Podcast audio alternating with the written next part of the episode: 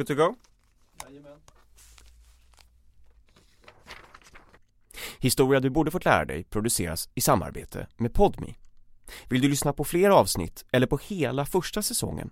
Då har du möjlighet att göra det genom att teckna en prenumeration hos Podmi. Då får du alla avsnitt reklamfritt och de första 30 dagarna är helt gratis.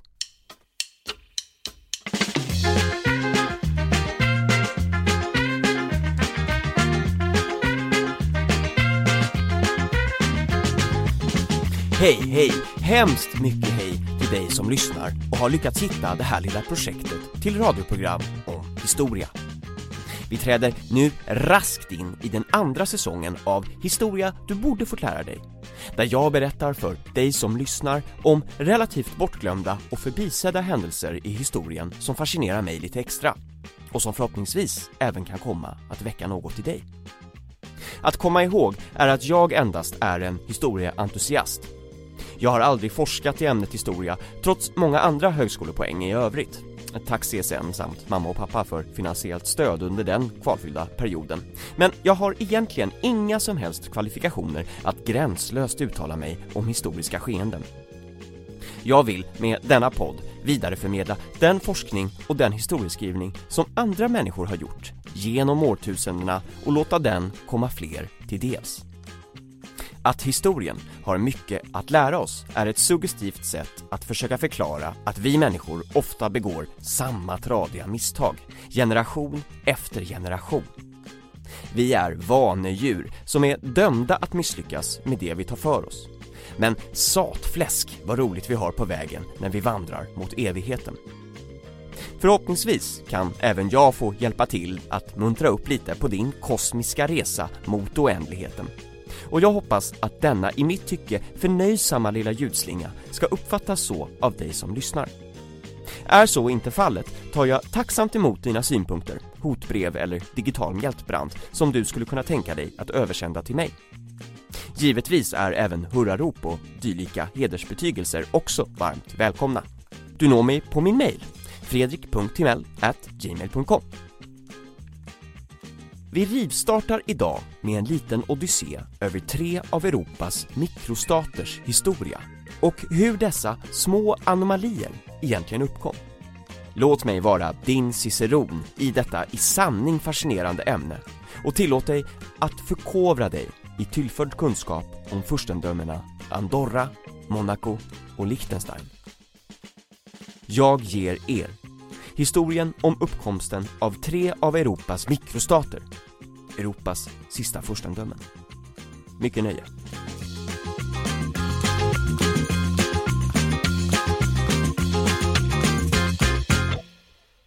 I vår lilla översyn, eller Golgatavandring om man så vill, över tre av Europas mikrostater tänker jag att vi börjar i en västlig riktning och så sakteliga tar oss österut. Således står Andorra först i denna schematiska tematik. Men först bör vi nog dyka ner i vad en mikrostat egentligen är. För oss som ska ta oss an ämnet med hull och hår måste jag tyvärr så här i början av avsnittet låta meddela att mikrostater inte är något som är direkt definierat inom internationell rätt. Termen är således hopplös för oss som gillar en ordningsam tillvaro, men det finns vissa förhållningsregler som ändå borde gå att hålla sig till. Det som skulle kunna sägas är standard och det som faller sig mest naturligt för hjärnan för att identifiera en mikrostat är att titta på kvantitativa mätesatser. Exempelvis om staten i fråga har antingen en väldigt liten yta eller om landet har väldigt få medborgare. Vanligen innehar en mikrostat båda dessa två attribut, ergo en liten population och en liten area. Allt är ju dock relativt som vi så bekant känner till och det ska väl här tilläggas att mikrostater bedöms som sådana tack vare att det finns andra stater med större arealer och större medborgartal. Nyare idéer om hur forskningen samt världssamfundet bör tänka när en mikrostat ska definieras rör mer kvalitativa faktorer, som om landet i fråga har en mycket speciell demografi eller geografi eller hur en liten stats makt och förmåga ser ut i det internationella samfundet. Det hela är lite snårigt, jag hör det själv, och definitionen av en mikrostat är långt ifrån något som det råder konsensus om. detta till trots kan vi ändå konstatera att Europa innehar totalt sex stycken mikrostater. Andorra, Monaco och Liechtenstein ska ju jag berätta om idag. Men även Vatikanstaten och San Marino, två länder som är helt omslutna av Italien, är mikrostater. Slutligen så räknas även Malta som en av Europas mikrostater. Nu är det säkert många som undrar och tänker, men vad fan, Luxemburg då? Det är väl aslitet? Men nej, Luxemburg är ingen mikrostat. Ah, vackra Luxemburg, inklämt mellan Tyskland, Frankrike och Belgien, är en stat som är förhållandevis ytterpytteliten till ytan samt till medborgartal. Landet är ungefär lika stort som 85% av Gotland och med ett medborgartal som Göteborgs stad, alltså strax under 600 000. Men detta till trots är Luxemburg inte en mikrostat. Luxemburg är nämligen i det här sammanhanget lite för stort. Jag kan gladeligen berätta för er Luxemburg-vurmare där ute i stugorna att om man slår ihop alla medborgare i våra mikrostater i Europa alltså Andorra, Monaco, Liechtenstein, Vatikanstaten, Malta och San Marino så kommer man ändå inte upp i det totala antalet luxemburgare. Vidare kan jag även förtälja att Luxemburg är så pass stort till ytan i jämförelse med de andra mikrostaterna i Europa att alla dessa länder tillsammans får plats i Luxemburg. Det får till och med sammanlagt plats i Luxemburg mer än två och en halv gånger om innan vi når upp i Luxemburgs territoriella storlek. Således får Luxemburg stryka på foten i detta hänseende. Men nu när jag pratat så mycket om Luxemburg kan jag inte lämna det helt och hållet utan att ge er lite Luxemburg-kuriosa. Jag berättar mer än gärna att Luxemburg är världens enda kvarvarande storhertigdöme. Ett monarkiskt statsskick som är hjälplöst ute på modet nu för tiden. Jag berättar också gärna att landets nationaldag firas till minne av storhertiginnan Charlottes födelsedag den 23 juni varje år. En petitess var dock att storhertiginnan Charlotte föddes i januari men vi vet alla hur tråkigt det är att arrangera en födelsedagsfest utomhus vid den tiden i Europa kallt och grått som det oftast är. Så för första gången Luxemburgs nationaldag skulle firas sköt man upp festligheterna till den varmare årstiden och den 23 juni. Så har det kommit att förbli sedan dess och Luxemburg fortsätter fira falskt under sommaren. Med dessa kuriosa lämnar vi därmed Luxemburg för denna gången och kastar oss istället till den första av våra europeiska mikrostater och furstendömen i vår genomgång. Andorra. Varför finns Andorra? Hur uppkom den lilla nationen? Och vad är Andorra egentligen bra för? Alla dessa frågor ska förhoppningsvis besvaras just nu.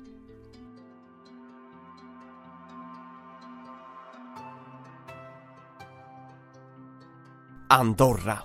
Det lilla furstendömet, vackert beläget i dalgångarna i den böljande bergskedjan Pyrenéerna vilken sträcker sig som en gränszon mellan Frankrike och Spanien.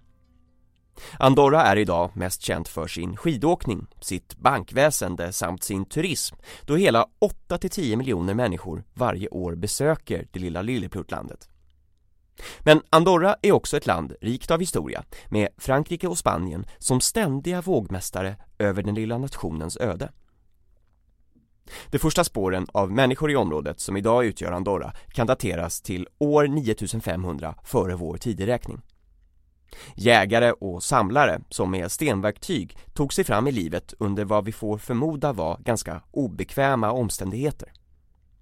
När det som ska komma att bli Andorra för första gången någorlunda träder ut ur arkeologins underbara fält och in i historiens skrivna källor är vi framme vid 200-talet före vår tideräkning. Pågår då gör det andra puniska kriget mellan Rom å ena sidan och Hannibal med sina elefanter å andra sidan. Den grekoromerske historikern Polybios beskriver i sitt traktat över Roms kamp med Kartago hur ett av Pyrenéernas stamfolk, andosinerna, slogs mot Hannibal och kartagerna när dessa försökte korsa dalgångarna i Pyrenéerna på deras väg mot den italienska halvön. Som bekant lyckades aldrig Hannibal besegra romarna och de dalgångar och berg som Andorra idag räknar till sitt territorium föll ur kartagernas händer och tillföll istället den romerska republiken. Vi kan inte vid den här tiden prata om att Andorra är någon stat som sådan. Det är något som skulle komma långt senare. Men Polybius omnämnande av andosinerna är intressant för oss i vår jakt på Andorras historia. Andosinerna var troligtvis en iberisk folkstam, men vi vet inte alls mycket om dem. De folkslag som levde i området på Hannibal och Scipio Africanus tid kallade romarna ibland lite slarvigt för samlingsnamnet iberer när man inte orkade skilja dem åt. Det är därifrån vi får namnet på Iberiska halvön, som idag innefattar Spanien, Portugal och Andorra. Samt även lite franskt och brittiskt territorium, yay Gibraltar. Romarna använde, förutom namnet iberer, även samlingsnamnet hispanier som namn på de olika folken som bodde på halvön. Och det är mycket riktigt därifrån Spanien idag har sitt namn. Det folk som levde i området där Andorra ligger idag, andosinerna inräknade, talade troligtvis ett iberiskt språk. Men med Roms uppgång ersattes successivt deras språk av Roms latin och under åren som gick svaldes den iberiska kulturen upp av den romerska. De iberiska språken dog faktiskt helt ut någon gång på 100 eller 200-talet efter Kristus och de är idag lite av ett mysterium för språkforskare. Åren går efter Roms övertagande i de pyreneiska dalgångarna. Romarriket hinner expandera och krympa runt om Medelhavet och när några hundra år gått har även Roms dominans i området där Andorra ligger idag slutligen börjat vackla. På 400-talet efter Kristus kom de pyreneiska dalgångarna istället att hamna under visigotisk hegemoni. Visigoterna var en germansk folkstam som färdats långväga för att slå sig ner och hamna där de gjorde. Goternas ursprung är vida debatterat men kan lustfyllt nog för oss som lyssnar idag ha en svensk anknytning. Vissa har genom historien hävdat att goterna härstammade från det som idag är Sverige Hey, I'm Ryan Reynolds. Recently, I asked Mint Mobile's legal team if big wireless companies are allowed to raise prices due to inflation. They said yes. And then when I asked if raising prices technically violates those onerous two-year contracts, they said, "What the f*** are you talking about? You insane Hollywood ass." So to recap, we're cutting the price of Mint Unlimited from $30 a month to just $15 a month. Give it a try at mintmobile.com slash switch. $45 upfront for three months plus taxes and fees. Promo rate for new customers for limited time. Unlimited more than 40 gigabytes per month. Slows. Full terms at mintmobile.com. Goter och Gotland är ju trots allt väldigt likt. Goterna ska ha utvandrat från Gotland och slagit sig ner runt floden Visslas mynning i det som idag är Polen, där de för första gången omnämns vara bofasta, enligt den romerska historien Tacitus. Men ingen har med säkerhet kunnat bevisa varifrån goterna ursprungligen kom innan dess. Vad vi dock vet är att goterna var av en ombytlig natur, då de med tiden migrerade igen och förflyttade sig från Polen en grupp goter drog söderut medan den andra gruppen drog i sydöstlig riktning. Den gruppen som drog söderut av dessa två kallar vi idag visigoter och den gruppen som drog i sydöstlig riktning kallar vi för ostrogoter. Visigoterna skulle under en period som inom historieskrivningen kallas för folkvandringstiden en period på cirka 250 år mellan 350 och 600 efter Kristus som skiljer antiken från medeltiden i Europa, likt många andra stammar söka lyckan inom ett romarrike i förfall. Vid år 376 efter Kristus korsar visigoterna den romerska gränsen över floden Donau i dagens Rumänien och efter många år av kalabalik och stora omvälvande historiska händelser slår man sig ner och bildar sitt kungarike i ett område som innefattar delar av den Iberiska halvön samt södra Frankrike. Och även det som skulle komma att bli Andorra. Inget gott varar för evigt. Trots att visigoterna knatat på så långt kom även det visigotiska kungariket att falla. Man fick vara herren på täppan i ett par hundra år tills muslimanerna knackade på söderifrån. Den muslimska expansionen hade då pågått ett tag och börjat med att en man på den arabiska halvön vid namn Mohammed på 600-talet förkunnat att han var Guds utsände profet. Under hans efterträdare skulle ett rike skapas som sträckte sig från Indien i öster till Spanien i väster. Och i början av 700-talet går således en armé i land i det som idag är södra Spanien efter att ha korsat Gibraltars sund. Och det är i början på slutet för visigoternas styre i regionen som skulle bli Andorra. Muslimernas erövring in i Europa går alldeles lysande. Visigoterna trycks undan snabbt, men den saracenska expansionen hejdas vid det legendariska slaget vid Tours, där Islams armé skulle besegras av den frankiske krigsherren Karl Hammaren Martell. Frankerna, ytterligare en germansk folkgrupp, den som har givit oss namnet på Frankrike, hade etablerat sitt kungarike norr om det tidigare nämnda visigoternas och lyckats att successivt utöka sin maktsfär, ofta på de stackars visigoternas bekostnad. Det var också frankerna som slutligen fick stopp på det islamiska imperiets expansion i västerled. Efter slaget vid Tor kunde frankerna börja konsolidera sitt eget begynnande storrike och det innefattade även det området som ska komma att bli Andorra.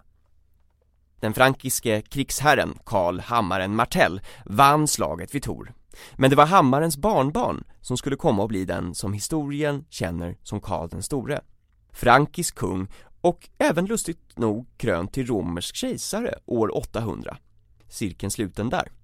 Karl den store gjorde fantastiska erövringståg i Europa under sin tid, då han levde på 7 och 800-talet efter Kristus. Men han lyckades inte fullkomligen rå på saracenerna, som rotat sig gott på den Iberiska halvön. Karl den store kampanjade mot saracenerna i söder, men fick inte mycket för det slitet. Då Karl inte kunde slå muslimerna med militär kraft gav han sig istället på att säkra upp sin södra gräns genom att skapa en buffertzon. Karl den store ritade upp ett område fyllt av små furstendömen som låg under frankiskt beskydd men i praktiken var någorlunda självständiga. Dessa furstendömen låg alltså mellan saracenerna och frankerna. Och här är den första antydan till vad Andorra ska komma att utkristalliseras till. Det var nämligen så att det som idag är Andorra hamnade i ett av dessa små uppskissade furstendömen under beskyddet av greven från Urgell. Urgell var en historisk provins belägen i norra Katalonien och Urgell ska komma att bli avgörande för Andorras historia. Detta i och med att beskyddet av området som är Andorra föll på hertigen av Urgell så kom det bergiga området, som är det lilla lillepluttlandet, att bli allt mer influerat av sina grannar i söder i Katalonien. Spår av detta kan till och med ses i våra dagar, då katalanska är det enda officiella språket i Andorra. Med buffertzonen mot muslimerna i söder etablerad skulle livet relativt lugnt gå vidare i de andoranska dalarna till slutet på 900-talet då något ytterligare sker som ska komma att bli oerhört viktigt för den kommande nationalstaten Andorra, som vi känner den idag. Den dåvarande greven av Urgell, som beskyddade och kontrollerade området, bytte då bort de andoranska dalarna i bergen mot ett annat stycke land i en affär med biskopen av Urgell. Biskopen av Urgell blev då förste över de andoranska områdena och är märkligt nog så faktiskt än idag. Andorra, ett land som fortsätter bjuda på godis för den som gillar statskunskap, har idag nämligen formellt två stycken statschefer. Den ena är fortsatt biskopen av Urgell, som såklart är en katolskt högt uppsagt präst i det som idag är Spanien, medan den andra statschefen, märkligt nog, är Frankrikes nuvarande president, Emmanuel Macron. Vem som än väljs till president i Frankrike blir lustigt nog även statsöverhuvud i Andorra tillsammans med biskopen av Urgell då. Detta kommer sig av att biskopen av Urgell i slutet på 1200-talet ingick en deal med den franske storgreven Bernard av Foix i att dela ägarskapet över de andorranska dalarna. Dealen satte Andorras nuvarande territoriella gränser och klargjorde att både den franske storgreven och biskopen av Urgell skulle äga Dalarna gemensamt. Titeln som medförste eller medprins till Andorra gick sedan i arv från Roger Bernard av Foix till kungen av Navarra till kungen av Frankrike till det som idag är Frankrikes president. Efter att Andorras gränser formaliserats under 1200-talet lyckades man behålla sin självständighet under århundradena som gick. När spanjorerna och portugiserna fullgjorde Reconquistan och tog tillbaka Iberiska halvön från muslimerna införlivades Andorra aldrig i något av dessa riken.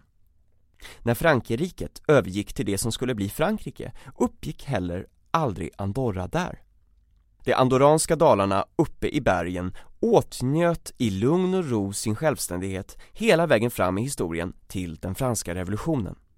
Under revolutionsåren var furstar inte direkt på modet och den styrande församlingen i Paris avsade sig äganderätten till Andorra. Och nu var det lilla bergiga landets självstyre i fara. Men bara några år senare klampade ju Napoleon in på scenen och han var inte direkt sen med att acceptera att återigen bli statsöverhuvud över det lilla furstendömet i Pyrenéerna när frågan sträcktes ut från andoranerna själva. Napoleon sa om Andorra att citat Andorra är en politisk kuriositet som behöver bevaras, slut citat. Och visst hade han rätt i detta. Andorra ska ju också få finnas. Och på den vägen är det idag. Bildandet av staten Andorra och dess kuriösa styrelseskick är sådant som för mig som historieentusiast verkligen är mumma för själen. Andorra har lyckats behålla sin självständighet genom århundradena mycket tack vare att man skickligt lyckats balansera mellan det ofta svårnavigerade politiska landskapet där man var tvungen att förhålla sig till sina stormakter till grannar, Frankrike och Spanien. Idag är dock den franske presidenten samt den spanske biskopens roller som statschefer enbart ceremoniella i det lilla landet i bergen. Det är cirka 76 000 människor som lever i Andorra idag på en yta som är lite mindre än Stockholms stad och åtnjuter ett demokratiskt styrelseskick. Innan vi lämnar Andorra för den här gången finns dock två historiska anekdoter från 1900-talet som jag tycker är väl värda att vidareförmedla. Den första av dessa händelser skedde vid första världskrigets utbrott, då Andorra fick lite feeling och gick in på franska imperiets sida mot tyska imperiet. Andorra hade egentligen inte några tankar på att hjälpa till och skicka några soldater till fronten, men man ville ändå stå på fransmännens sida i denna världsomspännande konflikt. Problemet var bara att Andorra inte fick någon plats vid förhandlingsbordet vid fredsförhandlingarna vid Versailles 1919 och det slöts formellt ingen fred mellan Andorra och Tyskland. Inte förrän detta upptäcktes långt senare Först 1958, cirka 40 år efter att första världskriget fått sitt slut. Och med ytterligare ett världskrig i bagaget kunde Tyskland och Andorra slutligen sluta fred. Den andra händelsen, väl värd att vidareförmedla, rör en rysk solovårare vid namn Boris Skossyrev som under en kort period under 1934 lyckades bli kung över Andorra. Inte är mycket känt om Skossyrevs tidiga liv, men när ryska revolutionen utbröt 1917 sökte han politisk asyl i Storbritannien. Och efter ett par år i England flyttade han ner på kontinenten, till Nederländerna, där han började proklamera för sin omgivning att han arbetade för kungahuset och att den nederländska drottningen hade förärat honom med titeln greve av Orange. Något som självfallet var helt osant och vi ser här lite av de bedragartendenser som skulle komma att kulminera när Skossirev slog sig ner i Andorra 1934. Skossirev föreslog då för de styrande i Andorra att landet skulle moderniseras med honom som monark. Andoranerna var inte helt pigga på det förslaget och Skossirev sparkades ut ur landet. Under sin exil kom han i kontakt med franska monarkister som ville att Frankrike återigen skulle styras under en kung istället för en president. Och med deras finansiella stöd och hjälp lyckades Kosirev övertala den andoranska generalförsamlingen sommaren 1934 att nästintill enhälligt att utnämna honom till kung. Han tog sig regentnamnet Boris den förste, en oblodig och lyckad statskupp av en rysk solovårare i ett av världens minsta länder. Skosyrev började direkt med att skriva en ny konstitution för Andorra och levde som lycklig monark i ett par timmar. Bara några dagar senare kom det några polismän från Spanien och arresterade honom. De tog honom helt sonika till Spanien, där han ställdes inför rätta och därmed var Boris den förste av Andorras korta regeringstid över. Med Skosyrevs historia tackar vi Andorra och dess underbara styrelseskick för denna gången och rör oss österut i vår odyssé över europeiska mikrostater och furstendömen. Nu, Monaco.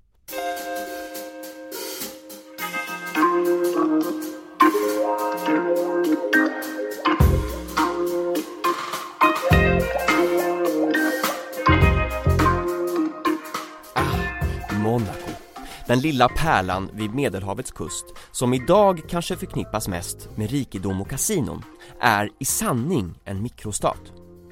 Landet är ungefär 2 kvadratkilometer stort, eller cirka 280 fotbollsplaner om man så vill och förstår den referensen, med ungefär 40 000 invånare.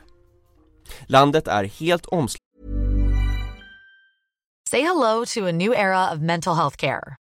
Cerebral is here to help you achieve your mental wellness goals with professional therapy and medication management support. 100% online. You'll experience the all new Cerebral Way, an innovative approach to mental wellness designed around you. You'll get a personalized treatment plan from a therapist, prescriber, or both in a safe and judgment free space. Your cerebral therapist or prescriber will outline a customized plan with clear milestones along the way so you can get to feeling your best. With Cerebral, you're not alone in your mental health journey. We're here to empower you to live a fulfilling life.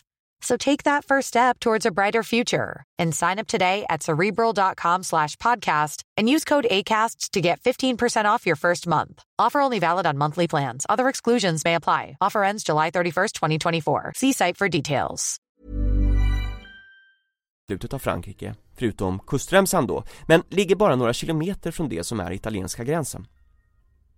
Hur det kommer sig att detta land inte är en del av Frankrike är någonting som du kommer att få veta mer om inom de närmaste minuterna.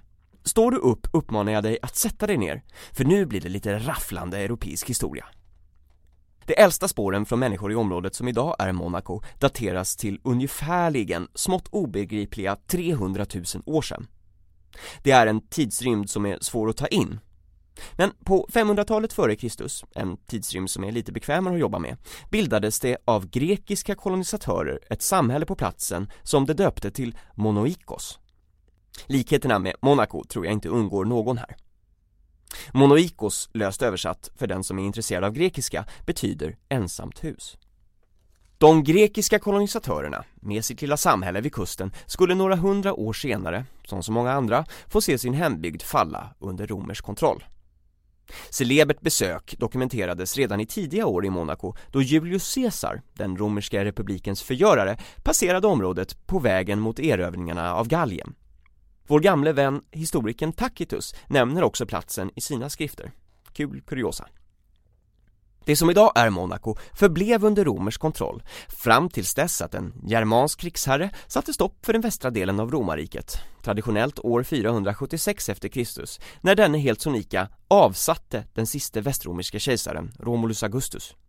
Den germanske krigsherren skulle dock inte ha kontrollen över regionen särskilt länge, för i slutet på 400-talet klampar de bekanta goterna in i regionen. Denna gång ej visigoterna, utan deras kusiner, ostrogoterna, Ostrogoterna etablerar ett nytt gotiskt kungarike på den italienska halvön, plus lite fler områden. Där ingick även det som idag är Monaco.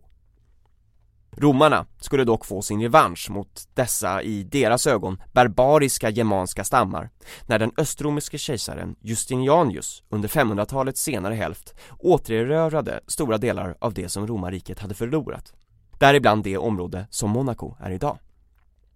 Lyckan för det pånyttfödda romarriket var då kortvarig och Italien samt Monaco skulle gå från en germansk folkstam till en annan igen och hamna under den germanska folkstammen langobardernas herravälde strax efter Justinianius död. Langobarderna, som betyder långskäggen, var enligt deras egna historiebeskrivning också härstammandes från det som i Sverige idag. Langobarderna hade även de under den kära folkvandringstiden förflyttat sig söderut mot ett varmare klimat för att slutligen slå sig ner i Italien. Langobarderna, eller Lombarderna om man så vill, lever främst kvar idag genom att ha namngivit norra Italiens region Lombardiet, där Milano är den största staden. Langobarderna blev inte långvarigt styrande de heller i regionen, för in på scenen efter ett par år trädde vår bekante frankiske kung, Karl den store, som erövrat området som idag är Monaco i slutet på 700-talet. Men det då en gång blomstrande lilla samhället Monoikos var så gott som borta. Vid Karl den stores intåg i regionen tror man att ingen bodde i det som är Monaco idag. Efter Västroms fall på slutet av 400-talet var det alldeles för mycket härjande arméer och pirater i området för att framgångsrikt kunna ha ett samhälle utan större fortifikationer belagt vid kusten. Konstanta sjöröder från saracenerna under tiden för det frankiska imperiet omöjliggjorde att ha platsen bebodd.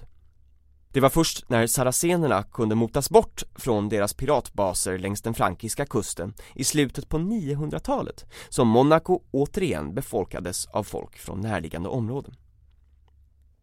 Som jag har berättat kröntes ju Karl den store till romersk kejsare och cirkeln slöts, som bekant.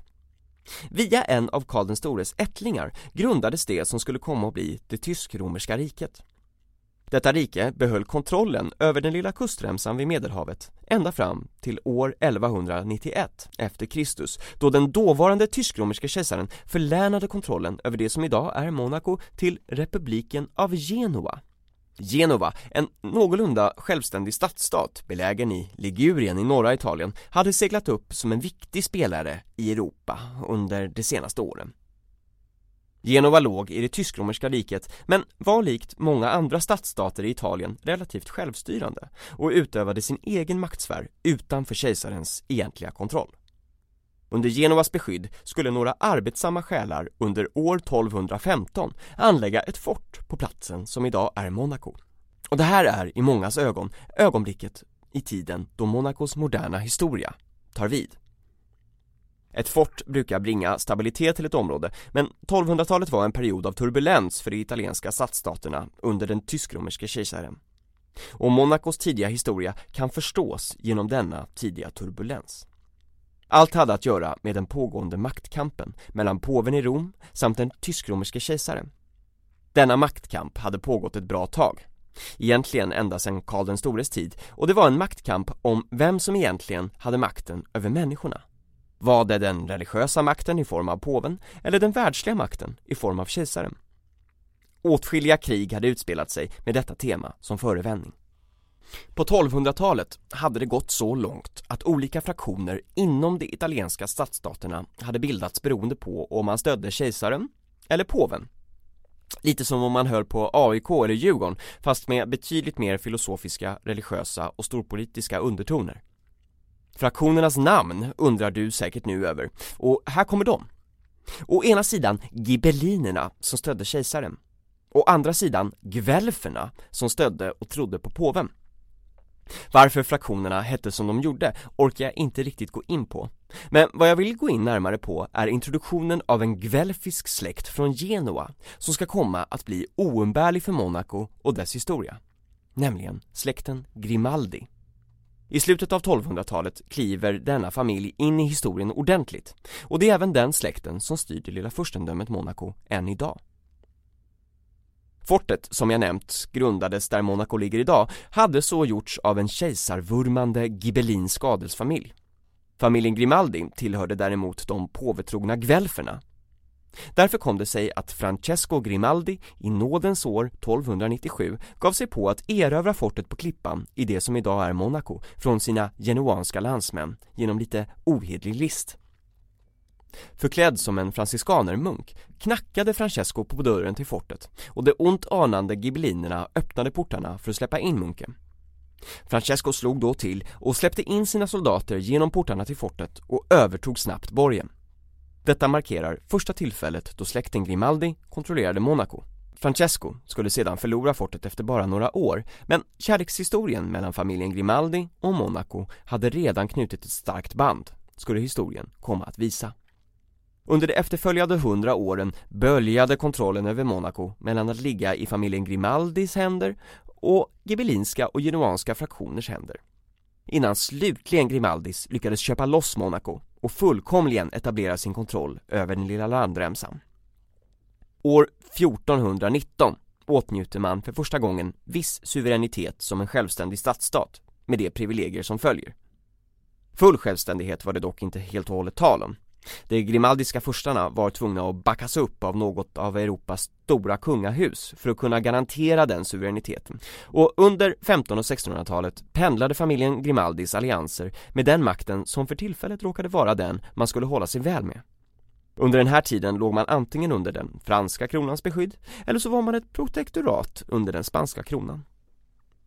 Detta kom dock att ställas på ända för det för Monaco viktiga året 1641 när Sverige håller på att kriga som bäst uppe på kontinenten under 30-åriga kriget sluter den dåvarande grimaldiske fursten Honoré den andre och den franske kungen Ludvig den trettonde ett avtal efter att ha förhandlat i närmare tio år. Honoré gick med på att slutligen sluta hålla på och smöra för den spanske kungen om Ludvig kunde tänka sig att erkänna honom som suverän härskare över Monaco. Sagt och gjort Avtal signerades, det skålades i någon alkoholhaltig dryck får vi förmoda och Monaco skulle fortsättningsvis vara under den franska intressesfärens starka gemenskap men som självständig stat med bland annat egen valuta. Honoré den andre fick nu även med den franske kungens goda minne också bära titeln prins. En titel som den monogastiske fursten bär än idag. Grimaldis styr således Monaco och 16 och 1700-talen svischar förbi. Vi spolar fram till den franska revolutionen och här kommer ett litet intermezzo i Monacos gloriösa historia. Furstar var som bekant inte på modet under revolutionsåren och den nyligen bildade franska republiken ockuperar Monaco. Den grimaldiske fursten slängs i fängelse och det hela såg ut att vara slutet för det lilla furstendömet. Men så ville inte historien. Efter franska revolutionen och Napoleons kortlivade kejsardöme samlades Europas makter i Wien för att under den famösa Wienkongressen återigen rita om Europas karta efter de för kontinenten förödande krigen. Under Wienkongressen förs en liten klausul in i protokollet som stipulerade att den monogastiske prinsen skulle återfå sina egendomar. Hurra för Monaco! Staten var nu återupprättad. Visserligen skulle landet återigen bli ett protektorat under den sardinske kungen, men det var ändå mer än väntat för släkten Grimaldi. Sitt italienska namn till trots var dock Grimaldis inte särskilt sugna på att vara ett italienskt protektorat och den 2 februari 1861 lyckas den grimaldiske fursten få ett fullständigt självständigt Monaco i ett avtal och en bytesaffär med Frankrike. Självständighet nås genom att den grimaldiske fursten byter bort cirka 80% av all makt som släkten ägde i området för priset av fullskalig suveränitet. Så kom det sig att Monaco, efter mycket om och men, lyckades bildas i sin nuvarande form. Här sätts slutligen gränserna för det ytterpyttelilla landet. Vid den här tiden pågår industriella revolutionen i full sving. Monaco börjar då att röra sig mot vad landet är känt för idag.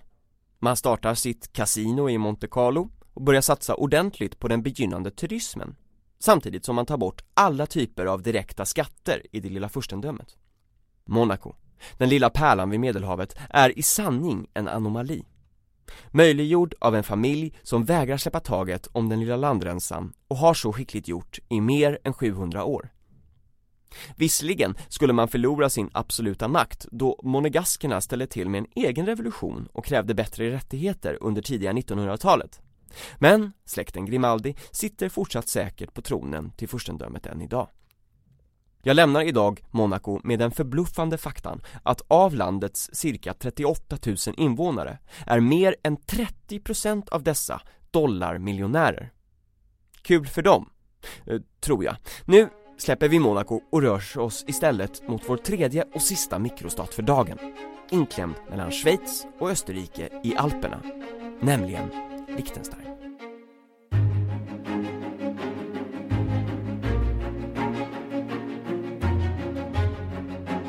Liechtenstein, eller Liechtenstein, kanske mest känt efter Heath Ledgers fantastiska rollfigur i den något bortglömda filmen En riddares historia. Eller känt genom popkonstnären Roy Lichtenstein för er som är lite mer välbevandrade i kultursvängen. Liechtenstein är dock inte enbart ett namn på en fiktiv riddare och en känd popkonstnär, utan även en suverän stat. Också ett furstendöme, precis som Monaco och Andorra. Liechtenstein är så pass litet att hela 2800 Liechtenstein skulle få plats på Sveriges yta. Strax under 40 000 personer bor i det lilla landet och en gång om året bjuds alla invånare in till furstens slott för att dricka en bärs med honom och hans familj. Liechtensteins historia och hur landet blev till kommer att följa en numera välupptrampad stig. I alla fall till en början. Sen ballar det ur totalt. Men låt oss ta det från början. Någon gång för cirka 5500 år sedan har vi spår av människor i området i de små dalgångarna i Alperna. Innan det området som ska bli Liechtenstein ordentligt tränger in i historien, när romarna kommer dit. Nu är det ju så att alla våra länder hittills idag har följt detta mönster, mycket tack vare att romarna var de första i regionerna som skriftligen nedtecknade vad de gjorde och varför. Detta är vi ju såklart tacksamma för, då vi efter romarnas intåg kan följa de spännande skeendena som uträttats i områdena. Romarna, med Julius Caesar i spetsen, erövrar Alperna strax innan Kristi födelse och det fortsätter att ligga under romersk kontroll ända till en bam germansk folkstam under folkvandringstiden klampar in och slår sig ner i området. Denna gång får jag äran att introducera en helt ny germansk folkstam för dagen, nämligen alemanerna. Alemanerna slog sig ner i det bergiga området runt 450 efter Kristus och det skulle förbli i deras händer till en annan germansk bekanting tyckte att det var dags att erövra högplatån några hundra år senare. Ni anar säkert att det är frankerna, och då har ni helt rätt. Vidare återupprepar historien sig här, precis som för Monacos del, då de idag lichtensteinska dalgångarna så småningom kom att hamna under den tysk-romerske kejsarens beskydd under medeltiden. Medeltiden är en spännande del av Europas historia och den karaktäriseras framför allt av det feodalsamhälle som växte fram. Något förenklat kom feodalsamhället till pass för att de styrande regenterna runt om i Europa inte hade en tillräckligt stark makt i områdena som tillhörde deras rike, annat än i deras absoluta närhet. Vad man då som regent gjorde var att få någon annan herreman att svära trohet till en, ergo att bli ens vasall. Och vasallen fick sedan styra ett utvalt område med kungen eller kejsarens goda minne. Nalkades det krig skulle sedan vasallen komma till kungens undsättning. Det var ett system byggt på rättigheter och skyldigheter, tillkommet för att kontrollera områden och dess befolkning. Därför är det bra att ha med sig i baktanke när vi talar om det tysk-romerska riket att man inte ska tänka på det som något enhetligt kungarike. Det var ibland en ganska löst sammansatt gruppering av i många hänseenden självstyrande stater, men som på pappret alla svarade inför kejsaren. Den alpinska högplatån kontrollerades av lite olika adelsfamiljer under medeltiden tills Habsburgarna, kanske den mest kända av alla tyska adelssläkter, la beslag på området.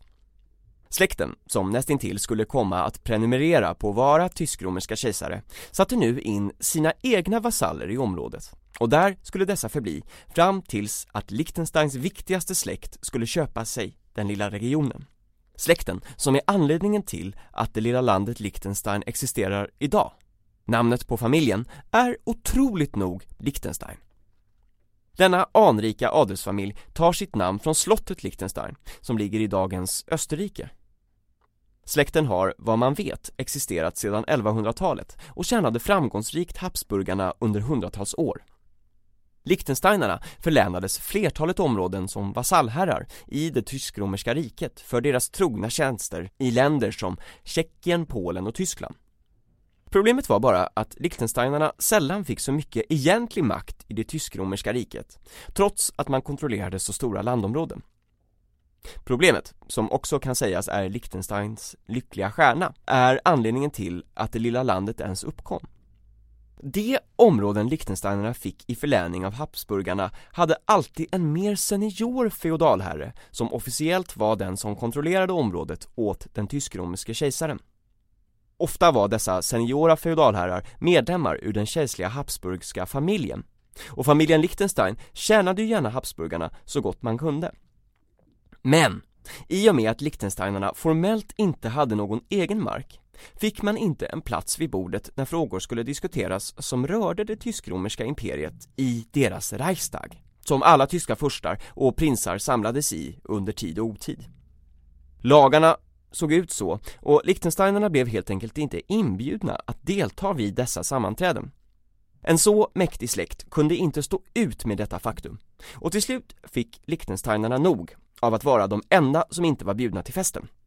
Man köpte därför av en annan tyskbördig adelsfamilj två små områden som låg bredvid varandra i Alperna, nämligen Schellenberg och Vaduz, som man slog ihop för att bilda det lilla landet man döpte efter sin släkt, Liechtenstein. Äntligen hade man landområden som man direkt kontrollerade på uppdrag av kejsaren och nu skulle man få sitta med vid finbordet vid riksdagen År 1719 tas Liechtenstein upp som en ny medlem i det tysk-romerska imperiet som ett furstendöme och landet var nu för första gången officiellt. Den nyblivna Liechtensteinska prinsen bemödade sig dock inte med att bo i det svårtillgängliga området. Ingen av Liechtensteins prinsar skulle ens komma att besöka sitt land på närmare hundra år. Vi spolar nu fram klockan för att fortsätta följa staten Liechtensteins utveckling genom att återigen lyfta in en bekanting för dagen Napoleon.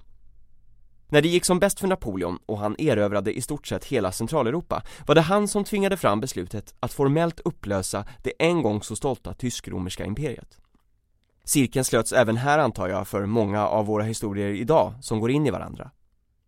När tysk-romerska riket upplöstes var Liechtensteins vara eller icke vara minst sagt snårigt juridiskt. Landet hade ju endast tillkommit som en teknikalitet för att en mäktig adelsfamilj skulle få en juridisk fördel. Det hade ju aldrig varit en fråga om att grunda någon maktbas där. Nu plötsligt upplöstes alla feodala skyldigheter för landet och dess prinsar och plötsligt var man en självständig nation. När Napoleon bara några år senare till slut tappade kontrollen över Europa och skeppades till Sankta Helena uppgick Liechtenstein i det tyska förbundet. En efterföljare till tysk-romerska riket, uppbyggt på liknande sätt med självständiga stater men kontrollerat av den dåvarande stormakten Österrike. Österrike skulle dock komma att utmanas av en annan tysk statsbildning under 1800-talet, Preussen. När Österrike och Preussen slutligen skulle drabbas samman om herraväldet över de tyska staterna på 1860-talet i det som skulle gå till historien som det tyska kriget finns en förtjusande liten historia från kriget om staten Liechtensteins deltagande. En liechtensteinsk armé på cirka 80 man ger sig av för att vakta ett viktigt pass i Alperna mot en eventuell italiensk invasion då det nyligen enade kungariket Italien hade gett sig in på Preussens sida i kriget. Inga fiender kom dock till passet och Liechtensteinarna kunde i lugn och ro njuta av den vackra utsikten och umgås hjärtligt med varandra. När kriget tog slut ackompanjerades den cirka 80 man starka Liechtensteinska armén av ytterligare en person som hängde med dem tillbaka till Liechtenstein. Man kom alltså hem igen med mer människor än vad man gett sig av med trots att man gett sig ut i krig. Mycket skojigt, om du frågar mig. År 1868 upplöstes till och med den Liechtensteinska armén och sedan dess har landet inget försvar. Tyskarna skulle likt italienarna bara några år senare komma att enas i en nation under 1800-talets andra hälft. Trots att de flesta tyskspråkiga småriken, furstendömen och prinsstater gick med i det nya imperiet höll sig Schweiz, Österrike och Liechtenstein utanför. Schweiz höll sig utanför för att man redan satt igång med ett federationsprojekt som man var ganska nöjda med. Österrike höll sig utanför på grund av att den då styrande dubbelmonarkin i Österrike-Ungern hade ett väldigt stort imperium under sig där det bodde inte bara tyskspråkiga folk utan även ungrare, slovaker, tjecker, slovener, polacker, ukrainare med flera. Dessa folkgrupper hade inte så mycket att göra med den spirande tyska nationalismen som satt det tyska imperiet i rullning och man var således inte en het kandidat för att få vara med och uppgå i riket. Slutligen höll sig även Liechtenstein också utanför för att man hade så starka band till Österrike. Så kom det sig att Liechtenstein förblev självständigt. Även det är en anomali i vårt tidevarv. En restprodukt av det tysk-romerska riket, skapat tack vare en teknikalitet, med sitt namn givet från familjen som fortfarande styr det lilla furstendömet.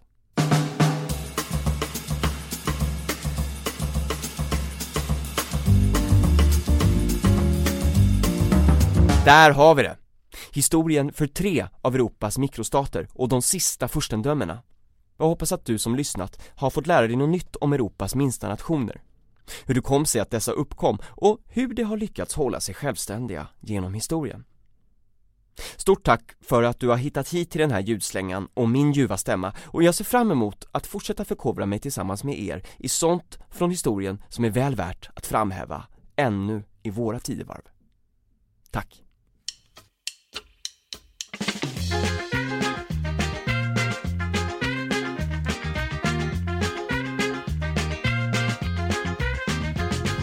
Historia du borde fått lära dig är en exklusiv podmi-produktion av och med Fredrik Timell om historiska händelser, personer och platser som fascinerar lite extra.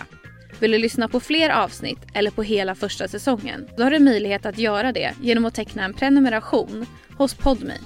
Då får du alla avsnitt reklamfritt och de första 30 dagarna är helt gratis.